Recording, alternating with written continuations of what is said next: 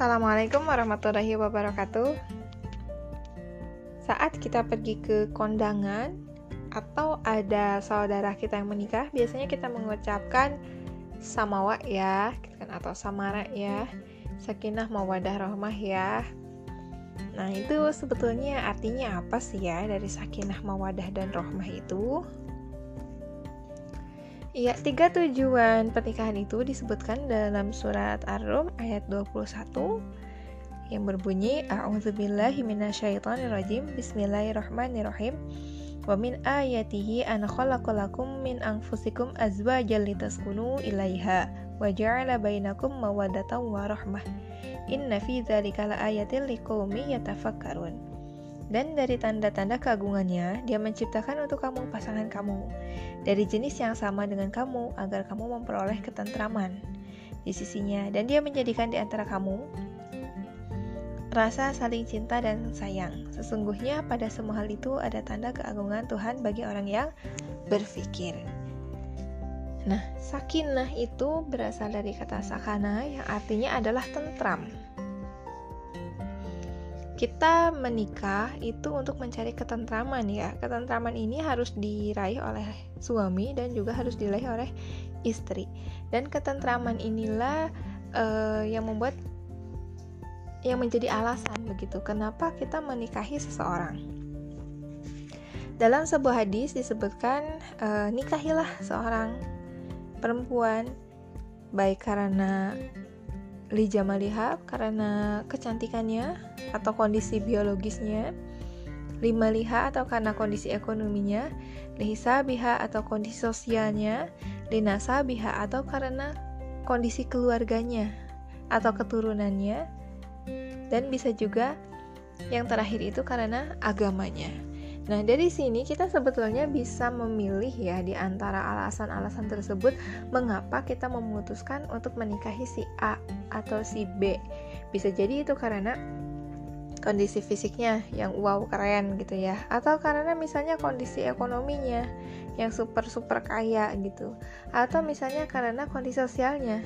Gue sosialita harus nikahnya juga dengan orang yang tingkat kelas sosialnya tinggi dong gitu atau juga bisa karena kondisi keturunannya.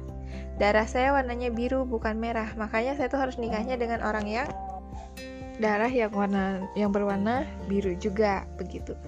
Nah, alasan-alasan ini diperbolehkan ya kita menikahi seseorang karena alasan apa pun dan karena alasan itulah yang akan membuat kita bertahan pada pernikahan kita.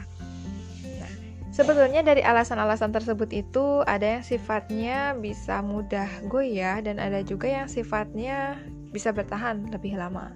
Semacam kalau kita menikahi seseorang karena dia itu ya fisiknya gitu ya, karena dia cantik atau dia ganteng. Ya manusia kan tumbuh ya, semakin lama makin tua. Bisa jadi yang namanya fisik itu berubah. Dia menjadi yang tadinya cantik menjadi tidak cantik lagi. Dia yang tadinya ganteng menjadi tidak ganteng lagi. Kemudian belum lagi kalau ada penyakit atau ada kecelakaan yang membuat fisiknya itu menjadi cacat begitu.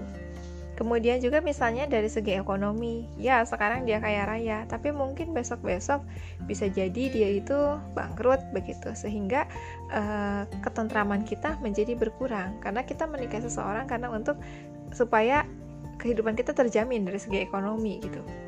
Atau misalnya karena yang lainnya, karena uh, hubungan sosialnya atau karena keturunannya gitu, itu sifatnya itu relatif lebih mudah goyah, lebih mudah hancur.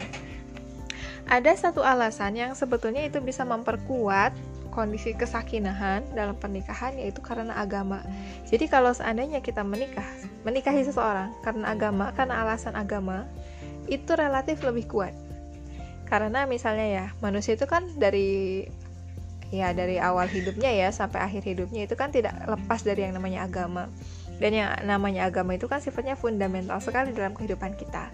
Sehingga saat kita mau menikahi seseorang karena memang alasan agama, itu relatif lebih kuat kesakinahannya. Nah, itulah yang disebut dengan sakinah. Jadi sakinah itu adalah ketentraman, kepuasan diri kita sendiri kenapa kita menikahi seseorang. Karena alasan apanya? Begitu. Semakin kuat alasan kita menikahi seseorang, maka sakinahnya pun akan semakin kuat. Tujuan pernikahan yang kedua yaitu adalah mawadah. Nah, mawadah ini jadi kita menyayangi seseorang, kita mengasihi seseorang dan kita itu senang kan gitu. Kita bahagia kan dengan diri kita saat kita mengasihi, menyayangi orang lain, maka kita pun akan bahagia.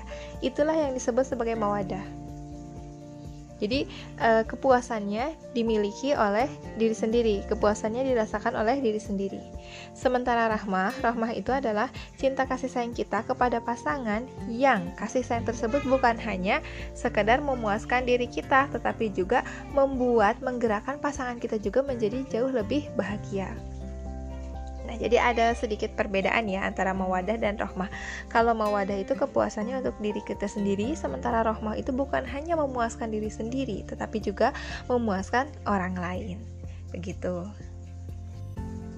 Nah, tentu saja tujuan-tujuan ini itu uh, akan tercapai apabila seseorang atau ya kedua belah pihak, suami dan istri, sama-sama saling memahami konsep, makna, dan tujuan dari pernikahan. Terutama mungkin alasan dari pernikahan. Kenapa saya harus menikah begitu?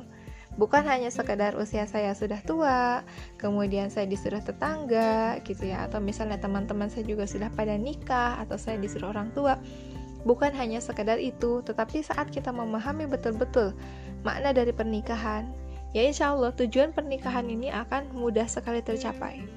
Terutama mungkin sampai kepada tingkat rahmah ya. Itu akan mudah sekali tercapai.